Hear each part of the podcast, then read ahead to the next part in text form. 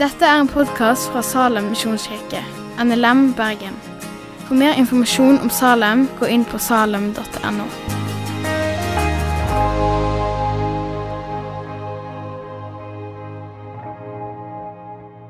Kjære Jesus, vi vender oss til deg og takker deg igjen for dine gode gaver til oss. Og mest av alt for den frelse du har fullført for oss. Og Nå ser du bønneemnet som ble nevnt her. Du ser skolene våre.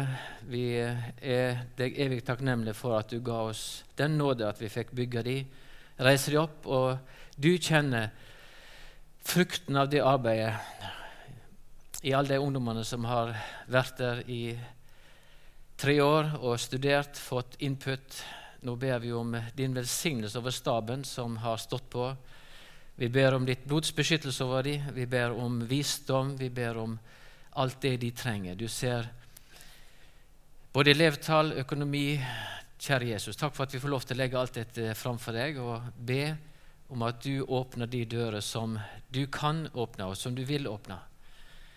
Kjære Jesus, vi ber for elevene som går der, ber om at eh, de mest av alt må bli møtt av deg. Takk for at vi på, gjennom skolene får så mange vitnesbyrd om enkeltpersoner som tar imot deg og velger å vandre sammen med deg. Herre Jesus, vi priser ditt navn. Så ber vi òg for det ordet vi skal dele sammen i dag. Ber om at eh, det må bli til velsignelse inn i livene våre. Herre Jesus, takk for at du, Hellige Ånd, kan åpenbare ditt ord. Høver bønn for ditt dyre navns skyld. Amen. God søndag, eh, alle sammen. Eh, om det var Vår Herre som gjorde det sånn, eller det var tilfeldigheter, det skal ikke Men klokka mi gikk eh, tom for batteriet da jeg kom inn i salen i dag, så jeg har ingen kontroll på tiden. Så det får heller rope ut hvis de syns det blir, drar ut. Eh, ellers må jeg jo si at når Gjermund står og forteller det, det disse gledelige nyhetene så, så, er en gammel pastor tilbake til uh, Johanneskirketiden. For mange av dere har ikke peiling på hva det dreier seg om. Vi var i fire år i Johanneskirken og fylte lokalet der. og Da var det akkurat den stemningen der vi, vi kom til møtene med forventning at Gud kommer til å gjøre noe i dag. Uh, og så opplever vi at det nå begynner det å, å skje her òg. Det er fantastisk gode nyheter. og Det skal vi takke for. og så er skal vi òg takke for Gjermund, som har den visdom at jeg skjønner at det, det er ikke sånn at dette går oppover oppover uten motstand. Den onde har sin strategi, og han vet hva han skal bruke. Teksten vår i dag, eh, Nå er vi ferdig med den miniserien 'Jesus i sentrum'. Og, men jeg håper jo inderlig at Jesus får stå i sentrum i dag òg, i det vi skal si. Eh, eh, men i dag går vi over til det som vi ellers kaller for søndagens tekst. Og for deg som er interessert, så er vi jo på et eller annet søndag i treenighetssøndagene. Og Det kommer til å begynne litt sånn, eh, kanskje litt sånn depressivt, men jeg håper virkelig at vi skal få enda i himmelen. Eh, det tror jeg vi skal ved Guds hjelp få lov til å erfare. Men først skal vi lese det som er søndagens tekst fra Markus, Markus kapittel 7, vers 31 til og med 37. Og det står slik i Jesu navn. Siden drog Jesus bort att fra Tyruslandet. Han tok vegen om Sidon og drog mot Galileasjøen gjennom Dekapolislandet. Der førte de til han en mann som var døv og hadde vondt for å tale, og de ba han legge hendene på han. Jesus tok han med seg bort fra folket. Han stakk fingrene sine i øret hans, tok spytt og rørte ved tunga hans. Så, opp, så, så han opp mot himmelen og sukka og sa, Efata. Det tyder, lat deg opp. Med det samme vart øret hans åpna, og bandet som batt tunga hans, vart løst så han tala reint. Jesus forbød dei å seie det til noen, men de mer han forbød dei, de mer gjorde dei det kjent. Folk undra seg storlig og sa:" Alt han har gjort, er godt. Han har fått døve til å høre og stumme til å tale. Denne teksten går jo inn i en lang rekke av eh, fortellinger om de under og tegn som Jesus gjorde når han vandret her på jord. I avsnittet før så får vi høre om eh, ei ikke-jødisk jente som var besatt av en vond ånd, og mora som var syrisk-fønikisk, kommer til Jesus og ber om at han må utfri henne fra denne onde ånden. Og Jesus prøver å avvise henne, for hun hører ikke til det jødiske folk. Men denne mora i sin nød klarer å overbevise om at Jesus må utfri henne. Og han gjør det. Døperen Johannes, som var sendt for å rydde vei for Jesus, han blir kasta i fengsel fordi han har kritisert ekteskapet til kong Herodes. Og Jeg tror nok Johannes der ante at dette går nok mot min slutt. Ved et ord fra Herodes så er jeg ferdig. Så han begynner å stusse på Messias, den som han har ryddet veien for. Er du han som skal fri oss ifra okkupasjonsmakten, den romerske stat? Eller skal vi vente en annen? Og Jesus han svarer han, blinde ser, og lammet går, spedalsk blir reine, og døve hører. Døde står opp, og den gode budskapen blir forkynt for fattige. Det er ikke rart at store folkemengder samla seg rundt Jesus der han var til enhver tid. Han demonstrerte jo en autoritet og en makt over det som for oss mennesker er vår største sårbarhet, nemlig død. Lidelse, sykdom, død er vår største fiende. Det er ingenting som avslører vår sårbarhet mer enn nettopp dette. Sykdom, ureine ånder, liding og død. Og det er ingenting som mer avslører et, hvor skjørt et menneskeliv er enn nettopp det. Den som var her i går, aktiv i livet, i dag er han borte. Det er noe definitivt punktum for oss, akkurat det. Ungdommen jeg en gang var, kan jeg aldri få tilbake. Kroppen min forteller meg daglig at eh, dag for dag så blir jeg eldre. Mer åpen for sykdom, mer åpen for at død kan komme. Om jeg i dag bestemte meg for at jeg skal, nå skal jeg begynne å trene hardt og bli like god som Jakob Ingebrigtsen, så skjønner jo alle at det er en latterlig tanke. Det er umulig. Det forteller meg noe om fysiologien i, i meg, denne kroppen jeg bærer, som er underlagt forgjengelighet. Og jeg tenker sånn at eh, Kanskje hvis jeg får leve lenge nok, så blir jeg glad bare jeg klarer å gå opp trappene her i Salem. Det henger det med? Um, faktum er at livet er skjørt. Og livet kan møte oss brutalt under de rammevilkår som vi lever under i denne verden. Vi har heldigvis et godt helsesystem, gode leger, gode sykepleiere på mange fagfelt som gjør alt de kan for å hindre lidelse og død. Få bort sykdom. Vi har vaksinasjonsprogram som starter fra du er ganske liten og går nesten hele livet. Jeg er over 65 og blir jo kategorisert som en risikogruppe og må vaksineres både mot influensa og korona, blir det sagt. Og vi har HMS-regler som når de blir etterfulgt, skal nettopp hindre for tidlig, for tidlig død ved ulykke. Og Kanskje mer vi tenker over det, så er disse rammevilkårene vi lever under, ganske truende. Og vi bruker mye energi og krefter på å unngå lidelse og død. Men uansett hvor godt helsevesen vi har, hvor gode HMS-regler vi har, hvor lenge vi kan forlenge livet ved medisin, så kommer døden. Ofte forløp av sykdom og lidelse. Og vi kan jo bli deprimert av mindre hvis vi grubler og og tenker for mye på akkurat det. Men midt inn i denne vår virkelighet så er det Jesus stiger inn. Og så demonstrerer han gang etter gang at i vår menneskelige nød så trenger ikke sykdom, lidelse og død ha siste ord. Der Jesus vandra fram her på jorda, skjedde det under og tegn. Det skapte håp i hans samtid. Derfor de store folkemengder. Og det skaper håp hos oss og forventning. Gud kan gripe inn. Og Kanskje har de fleste av oss en eller flere ganger i vår nød ropt til Gud Grip inn, helbred, fri ut. Kan du gjøre det sånn som du gjorde det når du vandra her på jord? Så er det noen som får erfare nettopp det. Men så kanskje sitter du også her som har erfart at det skjedde ikke det du lengter etter. Det du søkte, det skjedde ikke.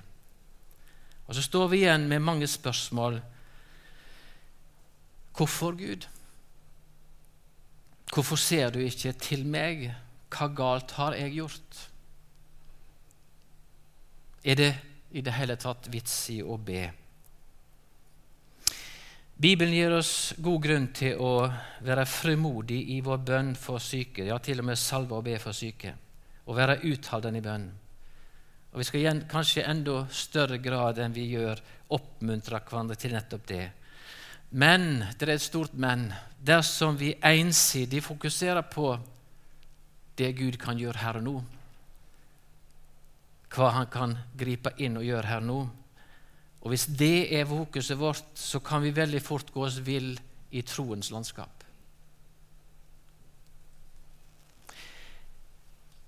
Bibelen åpner for oss et mye større landskap. Bibelen beskriver for oss et helt annet terreng som allerede er fullført, som allerede er på plass. For faktum er at alle de som Jesus helbreder, alle de som har utfreia vonde ånder, døden har òg innhenta dem. Døden er vår siste fiende, som Skriften sier. Og Derfor så, så uttrykker Paulus det slik i, i Romerbrevet 8, 19-23. Det skapte lengter inderlig etter at Guds barn skal åpenbares i helligdom. For det skapte ble lagt under forgjengeligdom, ikke av egen vilje, men etter Hans vilje som gjorde det slik. Og så kom en fantastisk setning. Likevel var det håp. For òg skapningen sjøl skal bli frigjort fra slaveriet under det forgjengelige, og få den fridom som Guds barn skal eie i helligdom. Vi veit at heilt til denne dag sukker og stønner hele skapningen sammen. Har du sukka og stønner noen gang? Åh. Denne sykdommen, kanskje kronisk lidelse som aldri forsvinner. Sukker og stønner. Skapningen sukker og stønner, og Gud sukker. Jeg vet ikke om du la merke til det i teksten vi leste, søndagstekst, så står det Jesus sukker. Jeg tror Jesus mer enn noen kjenner på denne lengselen om utfrielse. Guds barn, ja, vi vet at helt til denne dag sukker og stønner hele skapningen sammen som i fødselsrier. Ja, enda mer også vi som har fått Anden, den første frukta av høsten som kommer, sukker med oss sjølve og lengter etter at, å bli Guds barn helt og fullt når kroppen vår blir sett fri. Bibelen erkjenner at i alt det skapte er det en undertone av sukk og lengsel. Vi er ikke der vi lengter etter å være, noen av oss. Men det er ikke en usikker venting. Det er en sikker venting. Det er et håp som er gitt oss, at en dag, når Jesus kommer igjen, så er denne tilstanden, de rammevilkår vi lever under i dag, borte. Jesus er min garanti for nettopp det. Så det er det dette store landskapet, dette store bildet Bibelen ønsker å løfte opp for oss. At der framme så er det allerede fullført en full utfrielse, full helbredelse for ditt legeme. Så hva er det bibelske budskapet om din og min kropp? Gud skapte oss i sitt bilde med en kropp. Som mann og kvinne skapte han oss. Gud skapte det fullkomment, men syndefallet ødela det fullkomne. Og i syndefallet tillot vi mennesker den vonde å få innpass i Guds skaperverk. Romerbrevet 5,12. Derfor liksom synda kom inn i verden ved ett menneske, og døden sammen med synda, slik nådde døden alle mennesker fordi det alle synda. Syndefallet førte til død, vår største fiende. Døden avslører den onde sin egentlige strategi og mål, og det ødelegger det Gud har skapt. Og Paulus sier det videre i 2. Korinterbrev 5, 1-8. For vi veit at om det blir nedrevet, dette teltet Han snakker om kroppen vår, som er vårt jordiske hus, så har vi i himmelen en bygning som er fra Gud, et evig hus som ikke er gjort med hender. Men vi er her, og her kommer igjen, sukker og lengter vi etter å bli overkledd med vår himmelske bostad. For når vi slik er kledde, skal vi ikke bli stående nakne. Så lenge vi er i vårt jordiske telt, sukker vi under børa. For vi ønsker ikke å bli avkledd, men påkledd, så det dødelige kan bli oppslukt av livet. Den som har gjort oss i stand til dette, er Gud, som har gitt oss Anden til pant. Og så kommer det en fantastisk setning. Derfor er vi alle alltid ved godt mot. Hm. Er det mulig? Midt i lidelse, sykdom, å være ved godt mot? Derfor er vi alltid ved godt mot, enda vi vet at så lenge vi er hjemme i kroppen, er vi borte fra Herren, for vi vandrer i tru uten å se. Men vi er ved godt mot og vil heller flytte bort fra kroppen og hjem til himmelen. Paulus er en mann prøvd i mange ting, men han har sett noe som er viktig for oss å se. Det vi erfarer her og nå, det er midlertidig. Det er noe som er full, fullkomment og skal føre oss tilbake til fullkommenhet der framme. Og Hvordan har Gud gjort dette mulig for oss? Jeg har lyst til vi skal gå tilbake til profeten Jesaja. 53, for mange av dere er kjent og kjært kapittel. Vi skal lese i fem første versene der. Hvem trodde budskapen vi hører? Hvem ble Herrens arm åpenbara for? Han skjøt opp som ei spire for hans andlet, som ei renning av tørr jord. Han hadde ingen herlig skapnad vi kunne se på, ikke en utsjånad vi kunne glede oss over. Hva er det første vi legger merke til når du ser et menneske? Et menneske du ikke har sett før, kanskje. Kroppen. Og det går på autopilot. Vi tenker med en gang er det høy, lav, smal, litt brei, pen. Eh, eller det motsatte. Vi vurderer kroppen. Og det det profeten som lever mange hundre år før det skjer, ser inn i, er som det har skjedd, og det er aktuelt i dag. Og Han ser at den kroppen som Guds sønn har, er ødelagt. Det er ikke en kropp vi begeistres over. Det er ikke en kropp vi snur oss imot, men det er en kropp vi snur oss bort ifra fordi han er ille plaga. Det kommer senere her i teksten vår. Han hadde ingen herlig skapnad vi kunne se på, ikke en utstjårnad vi kunne glede oss over. Han var forakta, forlaten av mennesket, en mann av smerte, kjent med sykdom. En de løgner andletet for. Han ble forakta. Vi rekna han ikke for noe. Sannelig, våre sykdommer tok han, vår smerte bar han. Vi tenkte, han er ramma, slegen av Gud og plaga. Men han ble såra for våre brudd, knust for våre synder. Straffa lå på han. Vi fikk fred. Ved hans sår ble vi lekte. Jeg vet ikke hvor mye du har tenkt og meditert over hvorfor måtte Jesu kropp bli så ødelagt. Hva var det som skjedde der? Vi sier ofte at Jesu ofra sitt liv for oss, og det er helt sant, og det er riktig.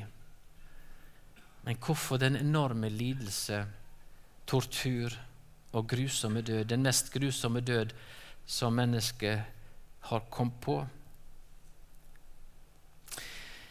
I filmen til Mel Gibson, som kanskje noen av dere har sett, 'The Passion of Christ', får vi en grafisk framstilling av denne, de grusomme torturmåter.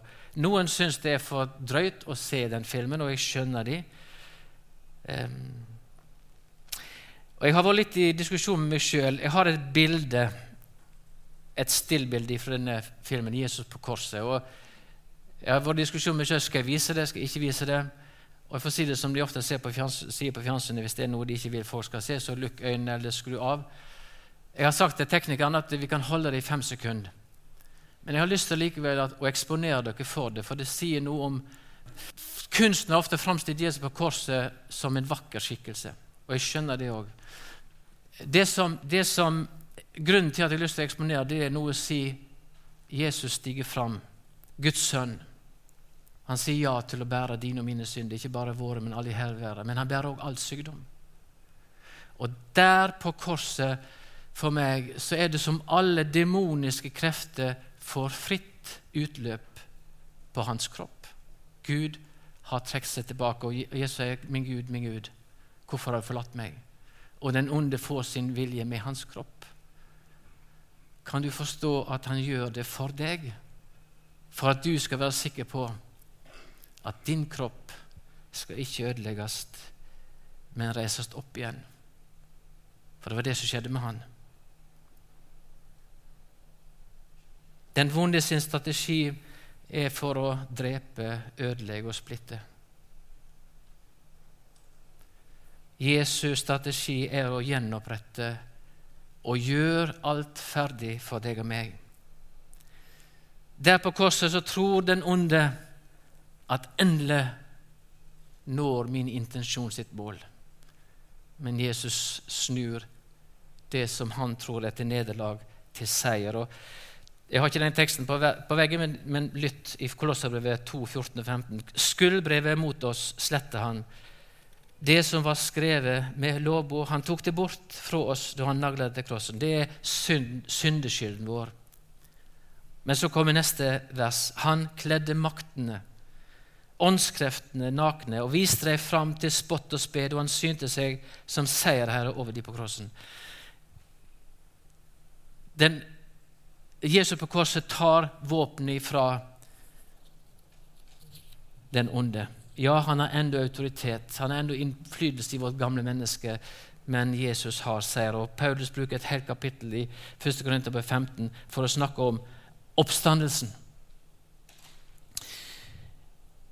Og Paulus sier der i dette kapittelet mellom at hvis vi bare for dette livet har sett vår håp til Jesus Kristus, så er vi ynkeligere enn alle mennesker. Men nå har Kristus stått opp fra de døde. Hans verk er fullført. 1. Korinterbrev 15, 42-45. Slik er det òg med oppstå fra de døde. Det som blir sådd, er forgjengelig, men det som står opp, er uforgjengelig. Det blir sådd i vanære det står opp i herligdom. Det blir sådd i vannmakt, det står opp i kraft. Det blir sådd en kropp som hadde sjel. Det står opp en åndelig kropp. Så visst, som det finnes en kropp med sjel, finnes det òg en åndelig kropp. Det er dette som vi i teologien kaller for kroppens evangelium. Kristi kropp knust for meg, oppreist for meg, for at jeg skal slippe den lidelse og død. evige død. Og Derfor så heter det i Johannes' åpenbaring, når, når Johannes ser inn i det fullkomne 21,4 Han, Gud, skal tørke hver tåre fra øynene deres. Og døden skal ikke være mer, ikke sorg og ikke skrik og ikke pine, for det som en gang var, er borte. Fantastisk å tenke, ikke bare som et vagt håp, men det er mitt håp at en dag skal Gud sjøl tørke bort dine tårer og mine tårer. Derfor er dine tårer viktige. Gud har samla de og kjenner de. All din smerte som du måtte erfare. Jeg skal prøve å oppsummere. Nå har ikke peiling på noe jeg har brukt, men det får stå sin prøve. Jeg skal komme til en avslutning her nå. Når vi lever i de, rammevilkår vi har, så har vi fått et privilegium å gå til Gud med vår smerte, med det som ligger oss på hjertet, med det som vi kjenner som utfordringer, som gjør at vi sukker og lengter. Ja, Gud har til og med utrusta noen med en helbredelsesnådegave. Utfrielse av vonde ånder skal vi få lov til å be over mennesket. Helbredelse som sykdom. Vi skal få lov til å salve og be. Men vi gjør det under den forståelse at om Gud ikke griper inn sånn som vi gjerne skulle ønske, så er ikke det fordi han er vred på deg, så er ikke det fordi han, han ikke ser deg eller hører deg. Løft blikket og tenk at OK, Gud. Altså, For å si det sånn jeg kunne jo gjerne tenkt meg at eh, jeg var litt yngre enn jeg er i dag. sant? Men for meg som nå er pensjonist, så vet jeg at eh, ah, det kommer noe bedre. Det er et fullkomment liv der Gud sjøl skal tørke mine tårer. Og Derfor så har jeg lyst til å avslutte med 1. Korinterbrev 15, 45-55. Nei, 54-55. Men når dette forgjengelige er ikledd uforgjengeligdom, og dette døyelige er ikledd udødeligdom, da blir det ordet oppfylt som står skrevet. Døden er slukt og sigeren vunnet. Død, hvor er din brodd? Død, hvor er din siger? Vi skal be en bønn, men når jeg er ferdig her, så er det oppe for forbønn bak i salen som vanlig, så er du hjertelig velkommen der til å dele det som ligger deg på hjertet. Glede, sorger. Eh, det er òg muligheten til å skrive bønneemne på ei bønnekrukke som står der bak i salen. Så det er du òg hjertelig velkommen til. Vi skal takke og be. Kjære Jesus, vi takker deg igjen for at du er den som har fullført alt for oss. Og takk for at vi i denne verden ikke kommer utenom at det, det er sukk og lengsel vi kjenner så dypt i vårt gamle menneske at vi er ikke der vi skulle være. Men takk for at du har lagt ned en lengsel, et håp, et evig håp i oss alle. Og Så ber vi om at vi i denne verden òg kan støtte oppmuntre hverandre, be for hverandre, slik som du befaler oss. Og takk Jesus for at du viser igjen og igjen at din oppstandelseskraft kan være virksom iblant oss. La din vilje skje, Jesus. Hør på bønn for ditt dyrnavns skyld. Amen. Takk for at du har hørt på podkasten fra Salem, Bergen. I Salem vil vi vinne, bevare, utruste og sende, til Guds ære. Vi ønsker å se mennesker finne fellesskap, møte Jesus og bli disippelgjort her i Bergen og i resten av verden. Vil du vite mer om oss, gå inn på salem.no.